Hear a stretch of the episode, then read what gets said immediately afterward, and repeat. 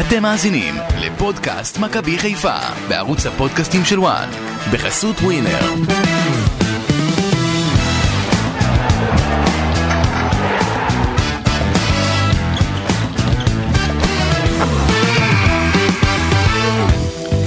שלום לכם, אתם על אה, פודקאסט מכבי חיפה בוואן, ואנחנו אחרי הניצחון 3-2 על עירוני, קריית שמונה בחוץ. וואו, מה קרה לי? מכבי חיפה עולה למקום הראשון אה, באופן אה, זמני, אבל זה היה ניצחון קשה, ניצחון ששבר את הנאחס, ועכשיו לאו מסי, נאמר וקיליאן אמבפה מחכים, אבל גם אנחנו בפרק הזה. כאן איתכם, אני אסי ממן ואמיר יניב, שלום עמיקו. השידור של ריאל קצת התיש אותך, אה? אה, וואו, וואו, וואו. אסי פה אחרי שידור של ריאל מדריד נגד סביליה, 3-1, אז תסלחו לו על איזשהו קצת... אני לא, כן, אני לא הולך לישון. לא הולך לישון. לילה לבן. אי אפשר אחרי אדרנלין כזה, לילה לבן. מתי תיסע לפריז? שמונה בבוקר. וואו. קשוח. אנחנו פה באמצע הלילה עכשיו. וואי וואי. צריך להסדיר נשימה מהמשחק אגב, עמיקו? נשימה לא, אבל צריך להירגע, כן, היה מעצבן.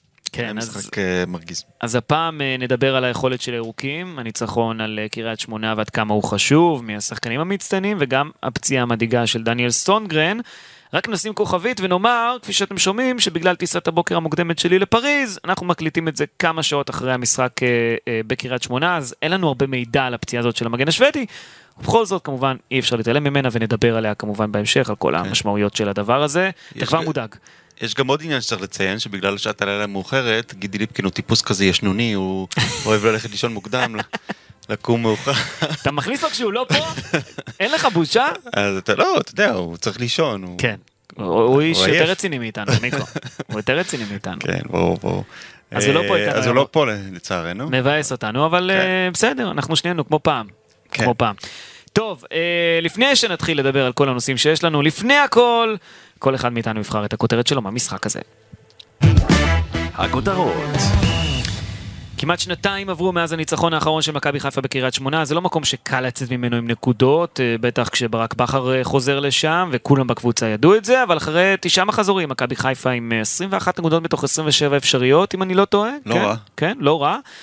ונכון, זה עוד ניצחון של הירוקים, אבל הכותרת שלי היא, מכבי חיפה לא נראית כמו אלופה. אה, וכן, אני אולי ביקורתי מדי פה, בטח אחרי ניצחון, אבל זה היה משחק שעם הרבה מזל הסתיים ב-3-2 למכבי חיפה, ולא ב-3-2 לקריית שמונה. ועוד נדבר על זה בהמשך כמובן, אבל יש לי תחושה, מיקו, שיש את מכבי חיפה של המשחקים הגדולים, ויש את מכבי חיפה של המשחקים האלה, של המשחקים הקטנים יותר כביכול, mm-hmm. והקבוצה שמגיעה למשחקים האלה לא באמת מרשימה אותי. אז אני יכול לחבר את זה הפעם לכותרת שלי? בוודאי. כי, כי זה דומה. קדימה. אז uh, הכותרת שלי שמכבי חיפה הגיעה יהירה למשחק בקריית שמונה, וברק בכר צריך למצוא פתרון ליהירות של השחקנים שלו, כי דווקא בגלל שהמשחק התחיל בצורה חיובית, ומכבי חיפה הגיעה להרבה מצבים, והיה נראה שהשחקנים מרגישים שלא צריך יותר מדי להתאמץ, ואפשר להיות קצת רכים, ואפשר לשחק בהילוך ראשון, והניצחון יבוא לבד, וזה כמו שאתה אומר, זה בניגוד למה שאנחנו רואים ממנה באירופה.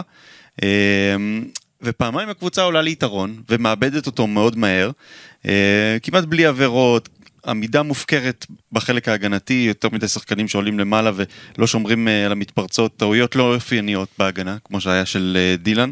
אני חושב שהיהירות הזו במובן מסוים היא בלתי נמנעת, כי כמו שאתה אומר, עוד שלושה ימים משחקים נגד מסי ונאמר ואמבפה וכל זה, אה, אבל בכל זאת צריך להילחם בזה, והדרך לדעתי היא לשלב שחקנים שלא פותחים באופן קבוע, שיראו במשחק הזה את ההזדמנות של החיים שלהם להוכיח את עצמם, ש... שישרפו את הדשא ויהיו אגרסיביים, ואתה יודע, התלהבות זה דבר מדבק. אם שניים שלושה שחקנים רצים בטירוף, אז גם האחרים ירוצו בטירוף, כי הם ינסו אה, להיות כמוהם, הם לא יעמדו בצד אדישים. אה, אז אני חושב שהקטע הזה של בכר, שהוא פותח עם ההרכב הכי חזק, ולא משאיר מקום אה, גם לחילופים, אתה יודע, פתאום להכניס אה, צ'רי או להכניס את פיירו כמו שהוא עשה בתחילת העונה, אז זה קצת מחליש, וזה גם מייצר סוג של אדישות, שההרכב הכי חזק פותח. כן. אני חושב שבכר עדיין לא פענח עד הסוף את השיטה את השיטה של הרוטציה שהוא צריך uh, לעשות. או שהיא פשוט לא עובדת לו כנראה, מיקו. Uh, תראה, הוא, הוא כל פעם מנסה משהו אחר. פעם אחת זה היה, כל, החליף את כל ההרכב. פעמיים זה היה לפתוח עם ההרכב uh, כמו שהוא, שלם, בלי שום, אז... Uh, שום uh, חילוף, אני חושב שהשיטה צריכה להיות להחליף שניים עד ארבעה שחקנים כל, כל פעם, כשיש משחק ליגה, לא יותר ולא פחות, כדי שיהיו את השחקנים הרעבים האלו, אבל גם שהקבוצה תהיה חזקה. טוב, אה, עוד נדבר בהמשך על ההחלטות של אה, ברק בכר, אבל אם נסכם את המשחק הזה, אם אנחנו רוצים לסכם את המשחק הזה, הכי טוב לסכם אותו דרך הציונים, אז הנה הציונים. ועכשיו, פינת הציונים. ברק בכר פתח, אה, כמו שאמרת, מיקו בהרכב הכי חזק שלו, לא שמר כוחות לפריס סן ג'רמן, המאמן אה, עלה במערך של אה, 4-2-3-1, אה, הקלאסי. כן, ג'וש כהן בשער, דניאל סונגרן, דילן בטובינסיקה, שון גולדברג ופייר קורנו בהגנה, עלי מוחמד שחזר להרכב, נטע לביא וצ'רון שרי בקישור, ובהתקפה עומר אצילי, דין דוד ופרנזי פיירו, ועכשיו נחלק להם את הציונים. ג'וש כהן ספג פעמיים, זה לא קורה הרבה כשהוא משחק בליגת העל, אבל זה קרה בקריית שמונה. אה, גם כן, אז ציון שלך קודם כל לג'וש כהן? אה, חמש, אה, לא שהשערים באשמתו, אבל הוא גם לא התעלה. מה אתה אומר? אני זורם איתך, חמש, אפילו הייתי נותן לו שש אולי, כי בכל זאת ניצחון, אבל כן, הוא ספג פעמיים, הוא לא יכל למנוע את השערים האלה, צריך לומר את האמת, הוא לא יכל למנוע את השערים האלה. אה, בוא נגיד זה לא באשמתו, אה, היו עוד הרבה הזדמנויות טובות לקריית שמונה במשחק, שבמזל הם בעטו שם לגדר הרעשנית הזאת מאחור, נכון? יש כן. את הגדר הזאת, זה עושה מלא רעש, זה מפחיד כזה. אה, אבל, אבל אני יכול להגיד דבר אחד לגבי ג'וש ג'וש כהן, ש... אני יכול להגיד דבר אחד לגבי ג'וש כהן שקצת מציק לי, ותכף נדבר בהגנה, על ההגנה בהרחבה, אבל זה שהוא לא סידר פה, לא נראה לפחות שהוא סידר פה, לא צעק על השחקנים, הלו תחזרו אחורה, תעמדו בעמדה הזאת, תבואו לשמור פה על השחקן הזה. אני לא ראיתי אותו, אה, מהמעט שראיתי במסך בטלוויזיה, לא ראיתי אותו פה מסדר את השחקנים יותר מדי, וזה גם התפקיד של השוער. להפך, הוא מצטרף אליהם, עולה גם כן למעלה. כן, כן. אז יש פה קצת, אה, אולי אפשר להוריד באמת את הציון לכיוון החמש, אבל בסדר, אתה יודע מה, אני, אני זורם אוקיי. איתך, חמש אוקיי. וחצי כזה? מה נעשה? אתה חמש? רוצה לתת לו עוד חצי? טוב, יאללה, בסדר. העיקר שהבינו אותנו. כן. אה, דניאל סונגרן, פציעה מדאיגה מאוד בברך, זה נראה כן. רע, ולפני פריס סן ג'רמן זו בעיה. הבעיה שכל פציעה בעונה כזאת, אתה בקלות מאבד איזה שני משחקים בשבוע, זו הבעיה.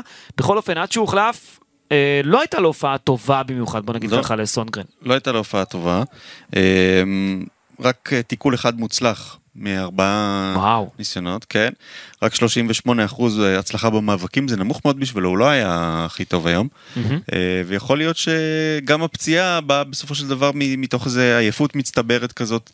אה, לפי מה שתחקרנו פה, אה, אם זה באמת, אה, אם זה באמת קרע ברצועה הצידית של הברך, אז ראינו מקרים של אה, חודשיים, מקרים של חודש. אה, אז כנראה שזה מה שנקרא עד המונדיאל זה יעבור, או יותר נכון, אחרי המונדיאל זה יעבור. אה, כן. אז אנחנו כנראה לא נראה אותו עכשיו אה, יותר באירופה, שזה חבל, במיוחד במשחק אה, מול בנפיקה, כי שם יש לנו עוד ציפיות. כן. זה בהחלט מכה, אבל אם זה באמת רק עד המונדיאל, אז לפחות לשאר העונה זה, זה יהיה בסדר. נקווה מאוד שבאמת, אה, אתה יודע מה, נקווה שאין כלום בברך, בוא נגיד כן. ככה, שהוא- שזו מכה או משהו בסגנון, זעזוע, לא יודע מה, אבל זה נראה כמו רצועה צידית, אה, לפי גם איך שהוא הגיב, לפי אה, כיוון הפגיעה. אני מקווה מאוד שזה לא מה שכולם חושבים ושהכל יהיה בסדר, הוא יעבור עוד בדיקות ואנחנו נדע בהמשך מה מצבו, אבל ציון לסונגרן על ההופעה שלו עד לרגע הפציעה, מיקו? חמש. אוקיי, אני גם איתך. כן. אתה, אתה זוכר אגב מקרים? אני, זוכ- אני חושב שאופיר קריאף היה לו אה, כזה. אני אה, מכיר אה, מקרים אצל ספורטאים אחרים, אה, מענפים אחרים, עם רצועה צידית. אופיר אה, קריאף חודש, זה חודש לפחות בחוץ. אופיר קריאף נעדר חודשיים. כן. אה, אבל היו גם מקרים של חודש, אז טוב, בוא נראה אם זה קרע ש- אה, שלם, אה, חלקי. כן, כן, עוד צריך לפענח את העניין הזה. טוב, נרוץ קדימה. דילן מטומיציקה היה בסדר, אבל חילק כמה מתנות לקריית שמונה, וזה אה, לא אופייני לו, הוא לא היה מרוכז, אבל לפחות הבקיע את שער הניצחון. מטומיציקה, ציון שלך? קודם כל ציון 6, באמת משחק שלא אופייני לבנטובנסיקה עד עכשיו, הוא היה כזה מאוד שקט, כל הזמן מתחת לרדאר, בקושי אתה מרגיש אותו, אבל במשחק הזה הוא מאוד מאוד בלט. גם עשה טעות ראשונה קשה, לא חושב שעד היום אה, הייתה לו כזו טעות שהוא ממש מסר שם, נדמה לי שזה היה לשבירו, נכון? כן, אה, שבירו. שבירו שהחטיא, ו- ו- וגם הבקיע, שזה גם שער בכורה ומזל טוב. אה, בסך הכל היה לו משחק סביר, 57 אחוזים אה, הצלחה במאבקים, זה לא הכי טוב יחסית אליו, אבל סביר. כן. שון גולדברג אה, גם לא היה במשחק טוב, הגול השני של קריית שמונה אפשר לומר היה עליו, הכדור עבר אותו, אבל אני לא יכול להאשים אותו כשהמגנים שיחקו יותר מדי גבוה, כל המשחק אפשר נכון. לומר ששון גולדברג ודילן טובינסיקה היו לבד מאחורה, לכן הם התקשו, ועוד נרחיב על כך בהמשך כמובן, אבל הציון אה, לשון גולדברג, אה, אחרי שהסכמתי איתך בטובינסיקה, הוא? חמש. אוקיי. אמ, הייתה איזושהי בעיה במאבקי קרקע וגם אה, שמענו את הדיווח של צוות הטלוויזיה שסיפר שברק בכר צעק לשחקנים שלו, לבלמים, שיתקפו את הכדור מוקדם יותר, שלא ייתנו לזה אה, להגיע לשחקן, אלא שיתקפו את הכדור מוקדם יותר, ואנחנו באמת רואים מהנתונים שגם דילן וגם אה, שון לא הצליחו אה, יותר מדי במאבקי הקרקע, ביחד היה להם רק 41 אחוזי הצלחה, 7 מתוך 17, זה נמוך. לא אופייני להם. לא אופייני להם, כן. הייתה שם איזה בעיה היום. אז הציון לשון גולדברג, כמו שאמרת, הוא חמש. אוקיי, גם אני נותן לו חמש. אה, פייר... למרות שהוא אה, עדיין, אתה יודע, עדיין אה, הכי הרבה חילוצים, 13 כן. חילוצים, עדיין- שחקן נפלא. אנחנו רגילים ליותר משון גולדברג, כן. זו הבעיה. פייר קורנו, ציון? חמש וחצי, אה, 12 חילוצים, אבל בניגוד למשחקים אחרים לא היה לו אף מסירת מפתח, המסירות שלו לא, לא עשו נזק לקריית שמונה, אז אה, חמש וחצי. אני נותן לו חמש. אה, נתקדם הלאה אה, לקישור, עלי מוחמד ציון. היה לי חמש, אפילו אולי ארבע וחצי, הוא היה... אני נותן לו ארבע, הוא לא הורגש. כן, זה בדיוק הבעיה, בקושי היה מעורב. רק שלושה חילוצים. אתה יודע מה חמש? כי זה ניצחון, יאללה, נו, בסדר. אוקיי. סליחה על ה... רק שלושה חילוצים, שזה כן. ממש מעט לשחקן בתפקיד שלו. ניצח רק ארבעה מאבקי קרקע, כמו שאתה אומר, לא היה מעורב. אז אה, חמש זה בפרגון. גם אה, נטע לביא לא היה במיטבו, נראה עייף. אה, אני נותן לו שש גם כן. אז זהו, שגם אני נותן לו שש, וגם לי זה היה נראה שהוא כזה קצת אה, כבד במשחק הזה, אבל כשהסתכלתי על הנתונים, שלושה דריבלים מוצלחים מתוך שלושה ניסיונות. אה, ארבעה תיקולים מוצלחים מתוך ארבעה ניסיונות. אבל הוא לא הורגש, עמיקו, לא הורגש. נכון, נכון, אבל את, את מה שהוא עשה, הוא עשה טוב, היה לו גם מסירת מפתח אחת גאונית שם לדין דוד, מסירה באמת מאוד מאוד, מאוד יפה, שהייתה צריכה להפוך לבישול אם דין דוד לא היה בועט אותה בסתמיות כזאת, אה, אבל כן, אנחנו רוצים עוד יותר מעורבות. שרון שרי ציון. אה, חמש וחצי. כבש סוג של גול כזה, נתנו לו אותו, יאללה, אה, אני, אני בעד לתת אה, גולים לשחקנים, אין, אין סיבה לתת את זה כשער עצמי, אה, אבל עשרה עיבודים, עיבודי כדור, רק שני חילוצים, זה לא משהו. טוב. מה אתה, חמש וחצי, גם, מסכים? כן, אני מסכים איתך על העניין הזה. בוא נתקדם לכיוונו של עומר אצילי, שלא היה מדויק היום, ולא נכנס עד הסוף למאבקים, ולא לא היה שם עד הסוף, בוא נגיד ככה, עומר אצילי. נכון, מצפה ממנו ליותר. 20 מסירות לא מדויקות וואו. היו לו היום, וואו, וואו. אה, אבל בדריבלים הוא היה טוב, חמישה דריבלים מוצלחים, ואיך שאתה לא מסתכל על זה, עומר אצילי הוא מלך השערים בליגת העל עם שישה, מלך הבישולים עם ארבעה, הוא השתווה עכשיו לאוסקר גלוך ועוד שני שחקנים. אה, בכל זאת עשה פעולות מכריעות, אני נותן לו שש וחצי בגלל שני הבישולים היום.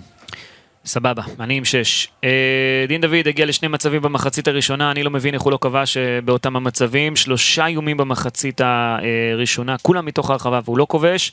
אה, אבל אה, סידר פה גול, אפשר להגיד, אה, כן. ודין דוד, אה, אני נותן לו ככה ציון, אתה יודע מה, חמ- בין חמש לשש, אני לא יודע. אני נותן לו ארבע. וואו, אתה מגזים קצת, לא, מיקו? אה, נכון, בהתחשב בזה שיש לו בישול זה נמוך 4, אבל תראה, ה-XG שלו במשחק הזה היה 1.18, זאת אומרת... אה, הוא היה צריך להבקיע גול. כן, היה צריך להבקיע גול בגלל המצבים כמו, ש, כמו שאמרת. חוץ מזה, רק תשע מסירות מוצלחות כל המשחק. זה מטורף. כל המשחק, אתה משחק, הוא משחק 86 דקות, רק תשע מסירות מד- אה, מוצלחות. כן. שהבא אחריו, הכי גרוע, זה היה פיירו עם 19. רוב השחקנים זה סביבות ה-30 ו- ו- ומעלה. אה, 14 אחוזי הצלחה במאבקים על הכדור, ממש ממש נמוך, הכי נמוך כמובן בקבוצה, אה, 4. טוב, אה, פרנזי פיירו, שוב כובש, ציון? כן, אה, פיירו אני נותן לו 6, הוא נראה קצת יותר משוחרר היום, הוא אה, קצת אה, עשה דריבלים, אה, מסירות מפתח, שתי מסירות מפתח, אה, וכבש כמובן. אבל אנחנו שוב אה, רואים שהקטע הזה של המאבקים, מאבקי כדור, במיוחד הכדורים האלה שאתה אומר, נשלח לו, הוא שחקן גדול, עם הגוף, השתלט, הוא לא באמת משתלט עליהם. הוא מגיע אליהם, והכדור איכשהו לא נשאר אצלו. היום אה, רק בתשעה מקרים מתוך 25, הכדור נשאר אצלו. אתה יודע, בעבר, כשצפינו בסרטונים של פיירו, שלפני שהוא חתם במכבי חיפה, אז, אז ראו הרבה מאוד פעמים שהוא אה, מקבל כדור, מוריד אותו לקרקע, נותן מסירה וממשיך בתנועה לעומק לתוך הרחבה, כן. וזה במכבי חיפה לא קורה בתקופה האחרונה. פיירו... אה, מקבל כדור, עוצר אותו ופשוט נתקע איתו, או מנסה לעבור שחקן ולא משחרר את הכדור. אז או שיש, שאין מספיק שחקנים פנויים, אבל גם כשיש שחקנים פנויים, הוא לא נותן את המסירה וזה קצת מאכזב. כי פיירו הוא סוג של uh, פדלים, הוא שחקן פדלים כזה שיורד למטה ועולה למעלה, ויורד למטה ועולה כן. למעלה, וזה לא ראינו ממנו, uh, גם לא בקריית שמונה uh, במיוחד. קצת מבאס, אבל שוב כובש, זה מה שחשוב. כן. חשובה המשכיות, מבחינתו הוא צריך לשים כדורים ברשת, היו לו גם כמה החמצות, כן? אז ציון נכון. לפיירו. ניתן לו שש. שש, יאללה, בסדר. אה, אם נאמר אה, רק מילה על המחליפים, מוחמד אבו פאני נכנס והיה די בסדר, תסכים איתי? כן, סביר. סביר, ואם יש משהו שכיף לראות אחרי הפציעה של סונגרן, עד כמה שזה לא כיף לראות את הפציעה כן. של סונגרן, זה שרז מאיר לפחות חזר לשחק. סוף סוף הוא חזר, לא, לא היה מדהים, ההגבהות שלו, ראית שהם לא באיכות שהתרגלנו אליהם מהמגינים. יש חלודה, חכה, לאט כן, לאט, יש חלודה נכון. להוריד. בסדר, זה כיף לראות שהוא חזר. כן. אז סיימנו עם החלק של הציונים, ועכשיו אני רוצה לדבר על המשחק הזה יותר בהרחבה. Uh, המשחק נפתח כשמכבי חיפה שלטה ועשתה מה שהיא רצתה למגרש. ופרנזי פיירו עשה 1-0, הגנה של קריית שמונה הייתה עם חורים ענקיים, הכל הלך בקלות אפשר לומר מבחינת ההתקפה של מכבי חיפה, אבל מצד שני, גם ההגנה של מכבי חיפה לא הייתה מספיק ערנית במחצית הראשונה. וממה שראיתי במחצית השנייה, ויסלחו לי כולם, אחר כך, כל משחק ההגנה של מכבי חיפה היה בגדר הפקרות. היה רק לחץ גבוה, לא היה משחק הגנתי קבוצתי, Mm-hmm. לא הייתה עבודת הגנה במרכז השדה, אם כבר דיברנו על עלי מוחמד ועל אה, נטע לביא, הם לא כל כך ירדו אחורה, גם המגנים כמובן לא ירדו אחורה, היו יותר מדי שטחים לשחקנים של קריית שמונה. אני לא יודע אם זה נובע מזלזול כמו שאמרת קודם, אבל בוא נגיד שלא סתם מכבי חיפה ספגה שני שערים, משהו שקרה לה, אם אני לא טועה, רק במשחק ליגה אחד קודם לכן מפתיחת העונה. וזה היה מדאיג, זה כאילו, הרגיש כאילו כל השחקנים רוצים לעלות למעלה ולהביא את הגולים, אבל שכחו קצת מההגנה במשחק הזה. היה משהו מאוד רך במשחק אה, היום. מעט עבירות, מעט מאבקים, אה, יחסית. ובאמת, כמו שאתה אומר, הפקרות בעמידה. אה, אני קורא לזה יהירות, כי אני חושב שזה באמת מגיע מאיזושהי תחושה שלא צריך כל כך להתאמץ. אפשר... שיהיה בסדר. כן, אפשר לשחק כדורגל ככה בכיף ונבקיע גולים ו... אה, ויהיה טוב. הבעיה שזה עובד אגב. זאת הבעיה, שהם לא ילמדו לזה משחק הבא. לא יודע אם זה נחשב עובד, אמנם ניצחנו, אבל זה היה, אה, לא, אתה יודע, אף אחד לא ירד בתחושה יותר מדי טובה מהמשחק הזה, במיוחד עם הפציעה של סונגרן, שאגב, אם אה, היו גומרים את העבודה קודם, אם היו גומרים את, המח... אותו, כן. גומרים לא, את, המח... את המחצית הראשונה קודם, אז כל החצי השני אפשר היה לעשות חילופים, ואפשר לתת לנוח, ואז באמת היה מקום. להוריד קצב. אבל בגלל שנורא מהר יצאו מהפוקוס, נתנו לקריית שמונה כל פעם לחזור, אז המשחק הזה עד הסוף, בוא נגיד מגיעים לפריז, פריז שיחקה ביום שישי, בניגוד למכבי חיפה ששיחקה בשבת, גם יובנטוס ובנפיקה אגב, שיחקו ביום שישי. אה, אז אנחנו מגיעים יותר עייפים מפריז למשחק הזה. ויותר חבולים. בסדר, עוד נדבר על מה... על מה שצפוי שם. כן. אתה אומר, זה לא הולך להיות אה, טיול בשאנזליזה, מה לא. שהולך להיות שם. אבל אני רוצה, באמת יש לי פה איזושהי הערה אולי אפילו לברק בכר, אני לא יודע אם זה בשבילו, אני לא, אתה יודע, קטונתי, בסדר? אבל איך יכול להיות שמגנים לא יורדים אחורה במחצית הראשונה? משאירים את שני הבלמים לבד פעם אחר פעם. איך יכול להיות שהקשרים האחוריים לא יורדים לעזור במחצית הראשונה?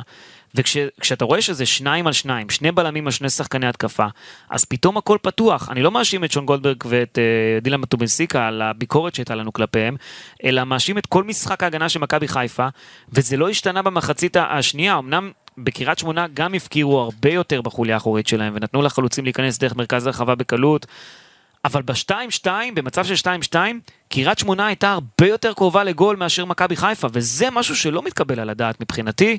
הנה אנחנו מסתכלים כאן על המיקום הממוצע של, אה, של הפעולות של השחקנים. אנחנו נתאר את זה שחוץ משון גולדברג ובטובנציקה, היחיד שנמצא במיקום הממוצע שלו הוא. מתחת לקו, קו האמצע. בדיוק, מתחת לקו האמצע, זה אה, קורנו, וזה ממש במילימטר מתחת לקו האמצע, וכל היתר הם... הם מעל, אז- ואפילו, אז- ואפילו הרבה מעל. אז, אז זה, זה באמת אה, משלים, אתה יודע, גם את מה שאני אומר ומה ש, שהורגש. בסופו של דבר, נשארו שניהם מאחורה, כולם שכחו מהם, אמרו, יהיה כן. בסדר, בטומיסיק אחלה בלם, שון גולדברג, כן. מצוין עד עכשיו. נכון. תשאירו אותם, הם יתמודדו עם שני החלוצים שקריית שמונה שולחת קדימה. אבל כשזה שניים על שניים, הכל פתוח. נכון, ואגב זה, ש- מה אתה אומר, שבירו, שנה הבאה שווה לשים עליו את הכסף, הוא נראה חלוץ חד, אה, אם אני. לא- אם אני לא טועה, הוא שייך להפועל באר שבע, אני לא יודע מה... אה, הוא שייך לבאר שבע? אני לא, הוא הוא גדל בבאר שבע. אני לא. יודע, אני לא בטוח שבאר שבע תשלח או תשחרר אותו, אם הוא עדיין אני שייך. חושב שהוא. נמכר, אני חושב שהוא נמכר. לקריית שמונה. יכול להיות, אבל הוא חלוץ טוב, כן? הוא נראה לי המלפפון החם של... אה, אתה אומר הישראלי החם הבא. כן, כן, ישימו עליו כסף. מעניין. אה, אגב, מכבי חיפה סיימה עוד משחק בלי לרדת אה, ליתרון בהפסקה. למעשה מכבי חיפה ירדה למחצית ביתרון רק ארבע פעמים העונה. כן. זה היה נגד יובנטוס, נגד אפולון לימסול, נגד אולימפיאקוס ונגד הפועל באר שבע באלוף האלופים. זאת אומרת, הכל זה בליגת האלופות ובאלוף האלופים, שזה המשחק גם כן מכריע על תואר. כן. בליגת העל, מכבי חיפה, אם אני לא טועה, הבקיעה רק שלושה שערים במחצית הראשונה, שלושה מתוך כל החמישה עשר שהיא הבקיעה עד עכשיו. שמונה מתוך החמישה עשר הגיעו רק ברבע השעה האחרונה של המשחקים, שם רק הקבוצה מתעוררת, כובשת ולרוב גם מנצחת כמו שקרה הלילה בקריית שמונה. ברק בכר דיבר על זה במסיבת העיתונאים, לקראת המשחק נגד קריית שמונה והזהיר מזה. הוא אמר, היו לנו שמונה מחזורים בליגה, והיו לנו שמונה משחקים שבהם לא הובלנו במחצית, זה יותר מדי, לא תמיד אפשר לצאת מפיגור, אי אפשר רק לספוג ואחר כך להגיב. והוא גם פתח במערך התקפי מאוד הפעם, אולי כדי שזה יקרה סוף כל סוף, זה ומכבי כאילו- חיפה תרד ביתרון להפסקה, אבל זה לא עזר, הקבוצה החמיצה המון במחצית הראשונה, היא לא ירדה ליתרון בסופו של דבר, וזה פשוט לא קורה. כאילו עד שהיא לא עם הגב לקיר, הם לא מתעוררים. נכון. וכשהם כבר מתעוררים וכובשים במחצית הראשונה, כמו שהיה היום, אז גם סופגים. ואז עוד פעם. אמ, משהו שכאילו איזה נטייה ל- ל- לסבך את עצמם. אמ, עד שהם, עד שהם לא מתעוררים, אמ, זה, זה פשוט נראה ש, שהם אמ, אדישים, זה מה שקרה היום, ו... לא יודע, זה משהו אני, שברק... אני, אני גם לא יודע אם, אם, אם משלמים פה מחיר על הקמפיין בליגת אלופות, אה, כי, כי עובדה שדווקא בצ'מפיונס ליג מכבי חיפה כובשת בעיקר במחצית הראשונה ואפילו יורדת ליתרון בהפסקה. אז כן, כן, משהו ב- פה ברור מוזר. שזה מחיר מליגת האלופות. זה, זה, זה לאו דווקא בעייפות, זה במנטליות. אה, לא באים למשחקים האלו באטרף. לא באים באטרף במשחקים בליגה. ולא, בסדר, המזגן, אה, בסדר. אתה נהנה מהמזגן? מה? היה לי קצת חם. היה לך קצת חם, אוקיי, אז הדלקת, בסדר. אה, בקיצור, אה, זה, לא אותו דבר. זה לא כן. אותו דבר, רואים את זה, ואני אני רואה גם שברק בכר אומנם פותח עם הרכב מאוד התקפי, החזק ביותר שלו, הכי התקפי שיש, לא יורדים לעשות הגנה, ועדיין זה לא קורה. זה מה שמוזר פה בסיפור הזה.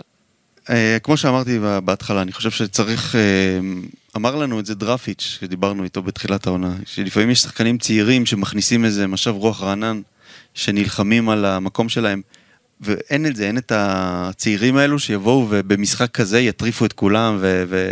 את מי תכניס אבל? איזה שחקן אז זהו? שאין. אה, מה, מאור השחקנים- לוי, מאור לוי לא קיבל צ'אנס עכשיו מברק בכר, כי ברק בכר מבין שכנראה הוא לא ברמה של מכבי חיפה, ויסלח לי מאור לוי, אני מאוד מאוד אה, מעריך את היכולות שלו, אבל אתה רואה שהוא לא עולה היום מהספסל. אה, את מי תכניס? את מי תכניס? הספסל קצר, הוא מכניס את מוות שיבוטה, הוא מכניס את אבו פאני, מכניס את רז מאיר שחזר עכשיו, מכניס את סק, כי גם הוא צריך לשחק תראה, היו, בדקות הסיום. היו צעירים בתחילת העונה ב... שהתאמנו עם הקבוצה, אבל הם לא קיבלו הזדמנויות. כמו כמו מי למשל? אילי חג'אג' היה ונורא יפרח שכאילו ויתרו עליהם, אמרו שנלך, אבל צריך, צריך מישהו כזה, אתה יודע, אפילו בן 18, שייכנס בטירוף ויתרגש, אבל שחקנים ששיחקו נראו כאלה די אדישים במשחק. אפאתיים קצת. כן. אז אה, אני חושב שזה, אני חושב שזה העניין. מה שהכי מוזר זה שבעונה שעברה באמת היינו רגילים לראות את מכבי חיפה פותחת בסגנון התקפי, עם לחץ על היריבה ושערים מוקדמים שהרגו את המשחק מהר במרכאות. ועכשיו זה פשוט לא קורה וזה מה שמוזר. וכדי להבין עד כמה ברק בכר באמת רצה משהו אחר הפעם במשחק הזה, מספיק להסתכל שוב על ההרכב ולראות אותו, זה ההרכב הכי חזק שהוא יכול להעמיד. אפילו עלי מוחמד חזר להרכב במשחקי הליגה, לראשונה מזה חודש וחצי. נגד חדרה הוא עלה מהספסל, נגד בני ריינה הוא עלה מהספסל, נגד מכבי תל אביב הוא עלה מהספסל, וכשהיה פצוע הוא פספס גם את הפועל ירושלים ואת נס ציונה, חמישה משחקים הוא לא פתח בהם בהרכב אה, ברציפות. בעצם הוא לא פתח מהמחזור השלישי מתחילת ספטמבר. אה, הפעם הוא פתח, אבל לא נראה 100% מבחינת יכולת. אני חושש קצת שאלי מוחמד עדיין פצוע. כן, הוא לא חזר uh, ליכולת שהוא הראה במוקדמות ליגת האלופות, הוא היה מדהים ב- ב- בתחילת העונה, והוא לא חזר לזה עד הסוף. במיוחד היום, uh, שהוא לא היה מעורב במשחק. תגיד, מה אתה אומר, נתקשר עכשיו לנעיר את גידי? עכשיו אתה רוצה לרד גידי? גידי, אתה משוגע אחת בלילה. יואב, אתה יכול לנסות ל... לא, לא, לא, לא, את גידי. תגידי, אתה רוצה שהוא יפטר אותי? אה, אל תדאג. חסר לך גידי ליפקין? בא לי, אתה יודע, לשמוע אותו. להציק לו, אתה אוהב להציק לו. יאללה, איתך. טוב, נו, אם אתה אומר שלא, אז לא. יאללה, כן. אה, שוב, דיברנו על, על הפציעות, אה, אתה יודע, עלי מוחמד, זה פגע בו, סונגרן, זה יפגע בו, זה די ברור. אה, יודע, אין שה- תחליפים. הדבר שהכי מפריע לאבא שלי כל השנה, והוא כל הזמן צועק את זה, כל משנה שעברה, זה שאין מדען ספורט במכבי חיפה. ומדען ספורט, התפקיד שלו זה בדיוק הדברים האלו, השילוב של שחקנים שנפצעו, מניעת פציעות. אה, יש צוות... אה, לא, כל- אני בטוח שעובדים על זה במכבי חיפה, כן. ומנטרים הכל וזה, ו- ומנסים לנטר פציעות, אני גם שמעתי שכן עושים את זה, אבל כן. תראה, הפציעות ספציפית אבל של יש עלי אנשים מוחמד, שזה, שזו ההתמחות שלהם, שהם למדו את זה כמה שנים, וזו ההתמחות, כן. ו- ואין את זה, וגל אלברמן, כששאלנו אותו, אמר אנחנו נביא, לדעתי עוד לא הביאו, ואם יש משהו שעדיין אפשר לשפר במכבי חיפה, זה אני חושב בתחום הזה. כן, אבל דווקא ספציפית הפציעה של סונגרן זה מכה, מכה ישירה. אה, הפציעה של עלי מוחמד זה מכה סיבוב. ישירה. כן, זו- זה מכות ישירות. כן, אבל כמו שאתה אומר, אה, הוא חזר לעצמו, הוא עדיין פצוע, או לא, אני חושב שכולנו היינו מרגישים עוד, עוד יותר ביטחון בדברים האלו, אם היה מישהו בר סמכה שמומחה לעניין, ו... ו- אגב, גם, עם- גם סוף פוטגורנו, כן. דריכה ישירה אה, על גיד זה היה אכילס. פאול גס שהיה צריך לקבל עליו אדום. ב- איך הוא לא קיבל אדום על זה? זה עד היום. כי זה... משחק בית. ו- כן, מכה, מכה הפציעות הללו, אה, אבל אין מה לעשות, אה, צריך לחזק את הסגל בינואר, זה ברור, ודיברנו על כך אה, לא פעם. ואם נסכם ככה את המשחק הזה, אז מכבי חיפה באה למשחק הזה בידיעה שניצחון יעלה אותה לפחות זמנית למקום הראשון בטבלה מעל מכבי תל אביב, שתשחק יומיים אחר כך נגד מכבי נתניה, ואכן זה מה שקורה. חשוב מאוד מבחינת מכבי חיפה להשיג את הניצחון הזה. ברק בכר אמר שהמשחק נגד קריית שמונה הוא, הוא החשוב ביותר שלו השבוע, עם כל הכבוד לפריס סן ג'רמן, והאמת הוא צודק, כי תכף ליגת אלופות תיעלם, כל מסע הקסם הזה י- ייעצר, והופ, אתה תישאר עם הליגה, ותתחיל לחשוב מה זה- עשיתי עד עכשיו. זה בסדר גמור שהוא אומר את זה, אבל, אבל בפועל זה לא איך שהקבוצה משחקת. עם כל זה שהוא עלה עם השחקנים הכי טובים, אה, בפועל הקבוצה עולה לא כאילו זה המשחק הכי חשוב שלה השבוע. זה עולים קצת אדישים, רגועים מדי, מאבדים, כמו שדיברנו קודם. אה, אז זה לא מספיק להגיד את זה במסיבות עיתונאים. צריך גם לגרום לקבוצה לשחק עם ההתלהבות ועם האש בעיניים, כי זה באמת, באמת הכי חשוב. ולא רק אה, להגיד את זה ולקוות שהשחקנים יבינו ו... תבוא, תראה, להם, הוא- תבוא להם הבעירה הפנימית הזאת מ- מתוך זה שהוא אומר את זה. בסוף הוא עושה את זה, הוא מביא את הנקודות. אמנם בקושי, עם השיניים, אני- ברגע האחרון תמיד, אבל מביא את הנקודות. אין לי תלונות לבכר, אני מנסה לעזור לו. להגיד, באמת, להגיד שגם בהרכב צריך משהו שידליק את, ה, את הקבוצה. כן, ואם אמרתי שעוד מעט ליגת האלופות תיעלם וכל מסע הקסם הזה ייעצר, אנחנו עדיין רוצים להתענג על ליגת האלופות ועל מה שנשאר ממנה. והנה או. נכנסה המוזיקה הצרפתית, וזה הדבר הבא, לנסוע לפריז. בואנה, היו נסיעות ממש טובות לאוהדים העונה בליגת האלופות. זה גם פריז עכשיו, גם ליסבון, שזו אחלה עיר, עיר זולה. וואי וואי, טראז'ולי. או, התחלת לדבר בשפה. הדלקת עם המוזיקה. וגם אה, היה מילאנו קצת לאוהדים. בואנה, היו אחלה יעדים. אחלה הגרלה. טורינו, מילאנו, ועכשיו פריז. כן, עכשיו פריז. אה, למה הפסקת את המוזיקה, יואב? אתה אוהב את פריז? אני לא הייתי הרבה בפריז, אבל uh, אתה יודע, חיפשתי מלון. אנחנו כן. צריכים מלון שם ליד, ה... ליד האצטדיון, אז uh, אני מסתכל על המלונות, ואז ראיתי איזושהי בריכה ענקית כזאת באחד המלונות, וזה היה נראה לי מוכר. זאת אומרת, אתה יודע, אני מסתכל בבוקינג, ואני ראיתי כן. איזה בריכה ענקית כזאת, ואז הסתכלתי וגיליתי שזו הבריכה, אתה ראית את הסרט uh, חיי, חיי פאי, חייו של פאי? לא. The Life of Pi? לא, לא. אה, על מה זה? סרט מעולה. יש שם איזה הודי, שמד... עוד פעם אתה עם האלה שבמדבר מגדלים לא, לעמוד. זה לא זה כבר. פרק קודם. לא, חיי, נו. זה, חיי פאי זה סרט, הודי, כן. סרט הוליוודי כזה, אבל לא משנה. אוקיי. אחלה סרט, אתה תאהב אותו. אה, נראה בכל בטיסה. מקרה, הוא אומר לבן שלו, האבא אומר לבן שלו, הייתה בריכה בצרפת שהמים שלה היו כל כך צלולים ו- ונקיים שיכולת לשתות מהם, שיכולת להכין מהם קפה. ו- ו- והיה שם סצנה שכאילו רואים את הבריכה הזאת, זה היה נראה לי מוכר, בדקתי וזה באמת... אה, ענק. זה באמת הבריכה אז הזאת. לקחת את המלון הזה? לא, הוא יקר מדי. כל זה, כל הבילדאפ הזה בשביל... לא, המשכתי הלאה. לא, אולי נלך לבקר, זה ליד האיצטדיון, אז אה, אה, כן? כן. אני לא יודע איפה המלון שלי, אין לי מושג, אבל אה, אני יודע שזה בסוג של שכונת סן ג'רמן. אני לא יודע אם זה קשור, זה נראה לי רחוק אה. מהאצטדיון, אבל... אה, שכונת סן ג'רמן זה באמת קשור? מקום טוב, לא? זה קשור, אבל... אה, לא נראה לי. לא, אה? לא, לא. זה מרכז העיר לדעתי, אבל לא חשוב, לא חשוב. העיקר שנראה את המשחק נגד פריס סן ג'רמן. כן. אה, המשחק נגד פריס סן ג'רמן אולי נראה קשה, הוא בלתי אפשרי, אבל מכבי חיפה, אני חושב, צריכה לנסות לאתגר את פריס סן ג'רמן עד כמה שהיא יכולה, ואם זה יצליח, זה ישחק לטובתה כפליים. ולמה אני אומר את זה? כי כרגע יובנטוס עם שלוש נקודות, ומכבי חיפה עם שלוש נקודות. במקביל, הסיפור עדיין לא הסתיים גם במאבק העלייה, לשלב הבא של ליגת האלופות. זאת אומרת, אם מכבי חיפה, בטעות, בטעות, אני עכשיו מפנטז, תזרום איתי, טוב. תוציא תוצאה טובה, ויובנטוס תנצח במקרה את בנפיקה, אז כל הבית פה מסתבך, וזה אומר שפריס סן ג'רמן תצטרך להתאמץ במשחק האחרון של הבתים נגד יובנטוס, ואז אולי יהיה פה איזה פתח למאבק על המקום השלישי, אבל בלי קשר. גם אם פריס סן ג'רמן תנצח ובנפיקה תנצח בשבוע הקרוב, עדיין יהיה מאבק על המקום הראשון במחזור הסיום בין הצרפתים לפורטוגלים, כי זה ייתן יתרון לשמינית הגמר. נכון. ואז מכבי חיפה תהיה נגד בנפיקה במשחק האחרון בסמי עופר, יובנטוס נגד פריס סן ג'רמן בטורינו, ואני לא פוסל שיהיה במשחק האחרון איזה תיקו אולי של מכבי חיפה מול בנפיקה, ובמקביל ניצחון של פריס סן ג'רמן על יובנטוס, ואז פתאום אתה במקום השלישי. זה יכול לקרות. יש סיכוי שזה יקרה.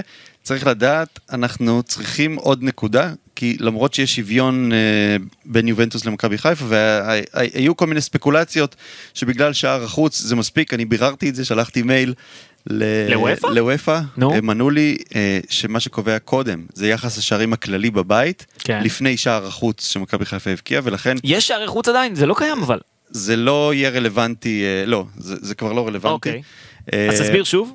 בקיצור, בשביל שנעלה מהמקום השלישי, אנחנו צריכים נקודה יותר מיובנטוס. אנחנו צריכים להוציא תיקו או, או ניצחון. למה? יותר מהם. כי, כי יחס השערים למרות שהיחס טוב. שערים ש- הפנימי בין מכבי חיפה ליובנטוס הוא זהה, 3-3, ומכבי חיפה אה, הבקיע שער חוץ. זאת אומרת, עד לפני שנתיים שלוש זה היה אומר, המשמעות של זה הייתה שאנחנו אה, עולים אה, בגלל השער חוץ. אבל זה בוטל, זה כבר לא תקף, ולכן אנחנו צריכים, כמו שאתה תיארת, תסריט שאנחנו מוציאים תיקו, או ניצחון איכשהו, ו- ויובנטוס לא, אנחנו צריכים נקודה אחת יותר מיובנטוס בשביל לעבור אותם, אבל זה תסריט אפשרי. זה לגמרי אפשרי. אני לא מאמין אה, שיש לנו סיכוי. אה, אתה רוצה לעשות אה, את הפינת ווינר ו- ונדבר על מה, תכף, תכף על מה הווינר חושבים על הסיכויים תשמע- שלנו? תשמע, אני הבאתי פה אה, אה, שני תרחישים שהם אופטימיים, אחד אופטימי מדי ואחד כן. אופטימי. האופ- אה, האופטימי מדי זה מתאים באמת לשעה שאנחנו נמצאים בה עכשיו. לפנטז בלילות אתה אומר. שננ- כן, ננצח שם אחרי שהם נחו ואנחנו לא, כן. ובלי סונגרן וכל זה, וגם ככה, מה אנחנו בכלל חושבים על זה. אתה יודע, השחקנים האלו, מסי ונאמר ואמבפה חשוב להם, אה, המאזנים שלהם בליגת האלופות. ברור. מעבר לזה שהמשחק הוא באמת בעל משמעות והם רוצים לה- להבטיח את העלייה והכל וגם מהמקום הראשון אז אה, הם יעלו בשיא הרצינות הם יעלו כדי להבקיע כמה שיותר. והם זוכרים גם מה היה בסמי עופר בחיפה, כן? כן. הם זוכרים שמכבי חיפה זו קבוצה רצינית, והם כן. אומרים לעצמם בטח, תשמעו, אם כבר לנצח את מכבי חיפה ולהביס, אם כבר להביס פה מישהי בבית הזה, זה את מכבי חיפה, ואם כבר אז בבית שלנו נעשה את זה. זה, זה לא בשביל להביס, הם באמת אכפת להם מהמאזנים. אתה יודע, כשמסי מסתכל על המאזנים של רונלדו, הוא רוצה לעבור אותו, והם בפה אה, לעתיד ונאמר, וזה- הדברים האלו חשובים עבורם. אז הם כן, הם יבואו כדי לדרוס. ואפרופו לדרוס, אה, נעבור באמת לווינר לגבי הציונים. אגב, כן? הבריכה, זה, קוראים לזה מוליטור. אה, זה המלון? זה המלון. אוקיי, מה, שלחת למישהו הודעה עכשיו? כאילו? מה, איך קיבלת את ה... לא, לא, נכנסתי ל... אוקיי, סימנת אותו ב favorites אני רואה. כן. תלך לבקר שם? אני אציץ בבריכה הזאת, כן. טוב. תכף נדבר על המלצות אה, וטיפים שלך לפריז, אז... אין לי. אין לך? חוץ מזה... אין לך טיפים למסעדה. טובה? משהו שאסור לפספס? לא מכיר, לא מכיר. אייפל, שאנזליזה, לא יודע, אני ממליץ לא ללכת לאייפל. למה? לא יודע, אני תור ארוך כזה, מה רואים? ברזלים? תסתכלו על זה מרחוק. לכו למוליטור, לבריכה הזאת עם המים הצלולים שאפשר אה, להכין מהם קפה. כן. טוב, אה, ווינר. אני- אל תשתמשו במים הצולים מהבריכה, אז עם כלור, אל ת- תקשיבו לאיש הזה. אה, ווינר, פריס סן ג'רמן מקבלת פה אה, יחס מועדף אה, בענק, 1.05 למי ששם על פריס סן ג'רמן אה, את ההימור שלו, 7.20 למי שחושב שזה יסתיים בתיקו, ומכבי חיפה מקבלת אה, אה, 12, פי 12, כן. לא נותנים פה סיכוי מה למכבי גידי היה. אומר עכשיו? זאת אומרת שאם אתה שם 100 שקלים, אתה יכול... 50, לא, תמיד לסבך עם ה-50. אתה תקבל 1200 או 600, כן. כן. אה, לא, לא, לא יודע, הימור לא אטרקטיבי, אה, כאילו, באמת פריז, והם נותנים אה, 1.05, אבל אה. הימור כן אטרקטיבי כן, שיש פה, כן. זה פלוס 3 למכבי חיפה, זאת אומרת להתחיל את המשחק כאילו מכבי חיפה מובילה 3-0, מהמם. ואז להמר על, ה, על המשחק, כשאם אתה מאמין שמכבי חיפה לא תספוג יותר משלושה שערים, זאת אומרת לא תפסיד ביותר משלושה שערים, זה 1.75. אם אנחנו מפסידים 2-0, 3-1, אז, אה, אז אה, אתה לוקח את ההימור. אתה יודע מה, אומר? מה, אתה יודע מה הבעיה עם ברק בכר? שהוא יבוא לשחק פתוח, Mhm. הוא יבוא לנצח, כי זה ברק בכר, עזוב מכבי חיפה, בא, כן. בא לנצח בכל מקום. אמנם זה יהיה קצת יותר הגנתי, זה ברור, אבל... כן. אז אם זה בדיוק בשלושה שערים זה 3.8, וואו, ואם אה, אתה מאמין שפריז תנצח ארבע, בארבע שערים ומעלה, ארבעה שערים ומעלה, זה כמה זה? תראה לי. 2.4. אה, זה כבר נשמע יותר אה, סביר, אני יודע, אבל בסדר. אגב, אם זה 5-0 זה 8-80 מבחינת הווינר, אם זה 4-0 זה 6, אם זה 3-0 זה 5, פי 5, אם זה 2-0 זה 5-40, זאת אומרת, הווינר באים ואומרים, יהיה פה 3-0. נלך לכיוון של זה התוצאה. 3-0 בתוצאה מדויקת. זה, אה, כן, התוצאה עם היחס הכי נמוך זה 3-0. זאת אומרת, זה, זה ההימור ה... זה 2-0, 5-40, 3-0, כן. פי 5. כן. זה, זה האזור ש... זה, זה האזור, האזור של ה-3-0 זה מה שחושבים שיצא כל האנליסטים של הווינר. בסדר, עם סונגרן יכול להיות יותר אפילו, אני לא יודע. כן. רגע, מי יפתח? רז מאיר יפתח? שאלה טובה? חזיזה לא כשיר, נכון? לא. אז uh, מי המגן הימני שלנו בפריז? אסי. זו שאלה טובה, ואני חושב שהשתמשו בעבדולאי אה, סק. כמגן ימני? כן, כי אין ברירה. אין טוב, ברירה. נראה. אה, אתה יודע, יש את ינון אליהו, יש את אה, אה, רז מאיר. אני לא חושב שרז מאיר יכול אה, לשחק אה, ולהשלים אה, 90 דקות, אה, או 50 דקות או 60 דקות, זה עדיין לא שם, אבל בסדר. אני מסכים איתך. אני מסכים איתך שזה... חתיכת דילמה. זה כנראה יהיה סק, ו- ויגידו לעומר אצילי ש- שירד הרבה אחורה לעזור. תשמע, זה לא יאמן הטירוף הזה שיש סביב המשחק עם האוהדים. אלפים יהיו בפריז, לפי מה שאני מבין. Mm-hmm. אה, מדובר ביותר מאלפיים צופים של אוהדים של מכבי חיפה שפשוט אה, תופסים טיסות אה, החל מהשבוע האחרון ונוסעים לפריז. הם רוצים כן. לראות את זה במו עיניהם, שוב, את לאו מסי, אמבפה ונאמר נגד השחקנים של מכבי חיפה. כן, אה, לא שבענו מזה עדיין. זה... זו טיסה אחרונה גם. כן, זה באמת חוויה חד פעמית, כל מה שקרה השנה בליגת האלופות. אה, אבל המשחק הזה הוא באמת המשחק הכי קשה, אה, המשחק הכי אכזרי, בוא נגיד, בפערי הרמות. ו... כן, זה נחמד לראות את זה, אבל אה, לא יודע, זה, זה כנראה תהיה תבוסה. כן, כי גם, גם הזכרת את העניין הזה, 72 שעות מפרידות בין שני המשחקים ב, בין קריית שמונה לפריז. זאת אומרת, מהרגע שהמשחק בצפון מסתיים ועד לשריקת הפתיחה נגד פריז סן ג'רמן, זה 72 שעות, לדעתי אפילו בול. מהמם.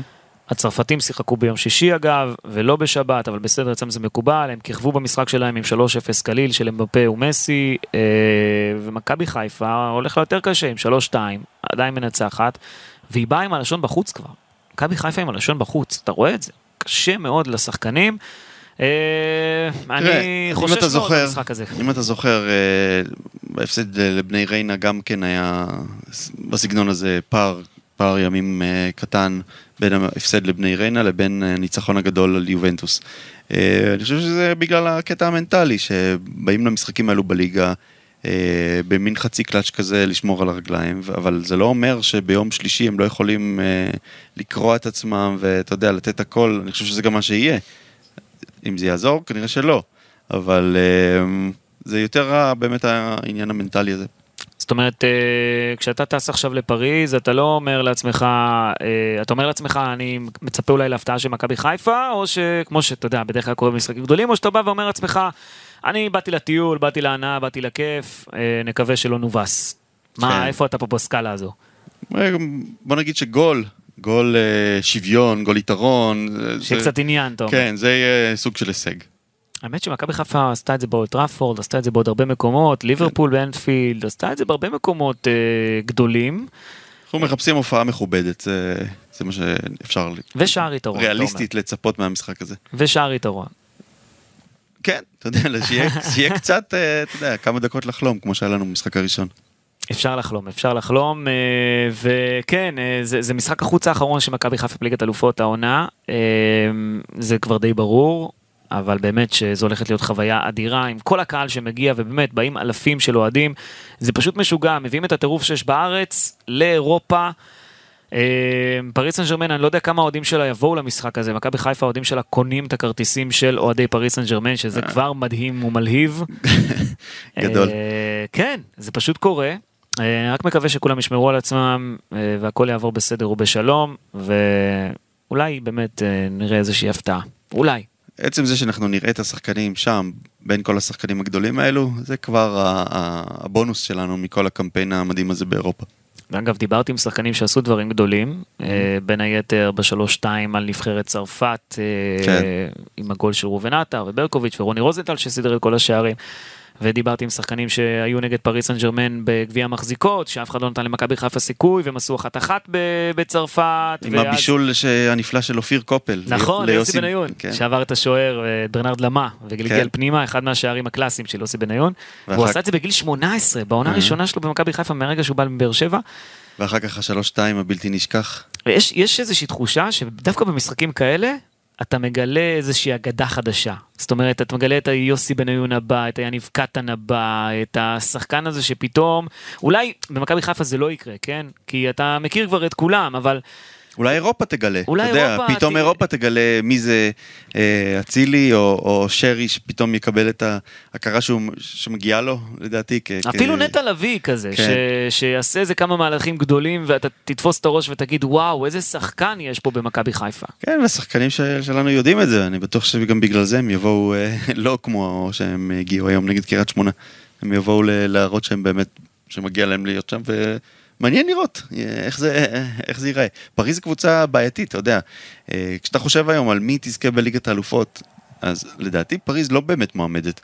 בגלל שהיא גלקטיקוס כזאת, היא יותר מדי כוכבים למעלה שלא עושים הגנה, ויש פערים גדולים בין ההתקפה להגנה וכל זה. אה, אז יכול להיות שגם מכבי חיפה תוכל ליהנות מזה.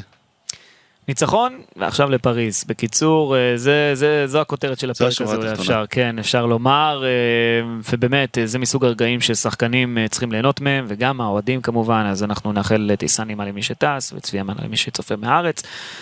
וניפגש בפריז בפרק הבא, לא עמיקו? כן, פרק הבא במלון בפריז.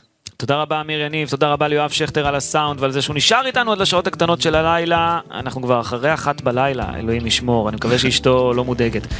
אה, תודה רבה לכם שהאזנתם לנו, ניפגש אחרי פריס סן ג'רמן. ביי אסי. ביי, להתראות. אור רבואר.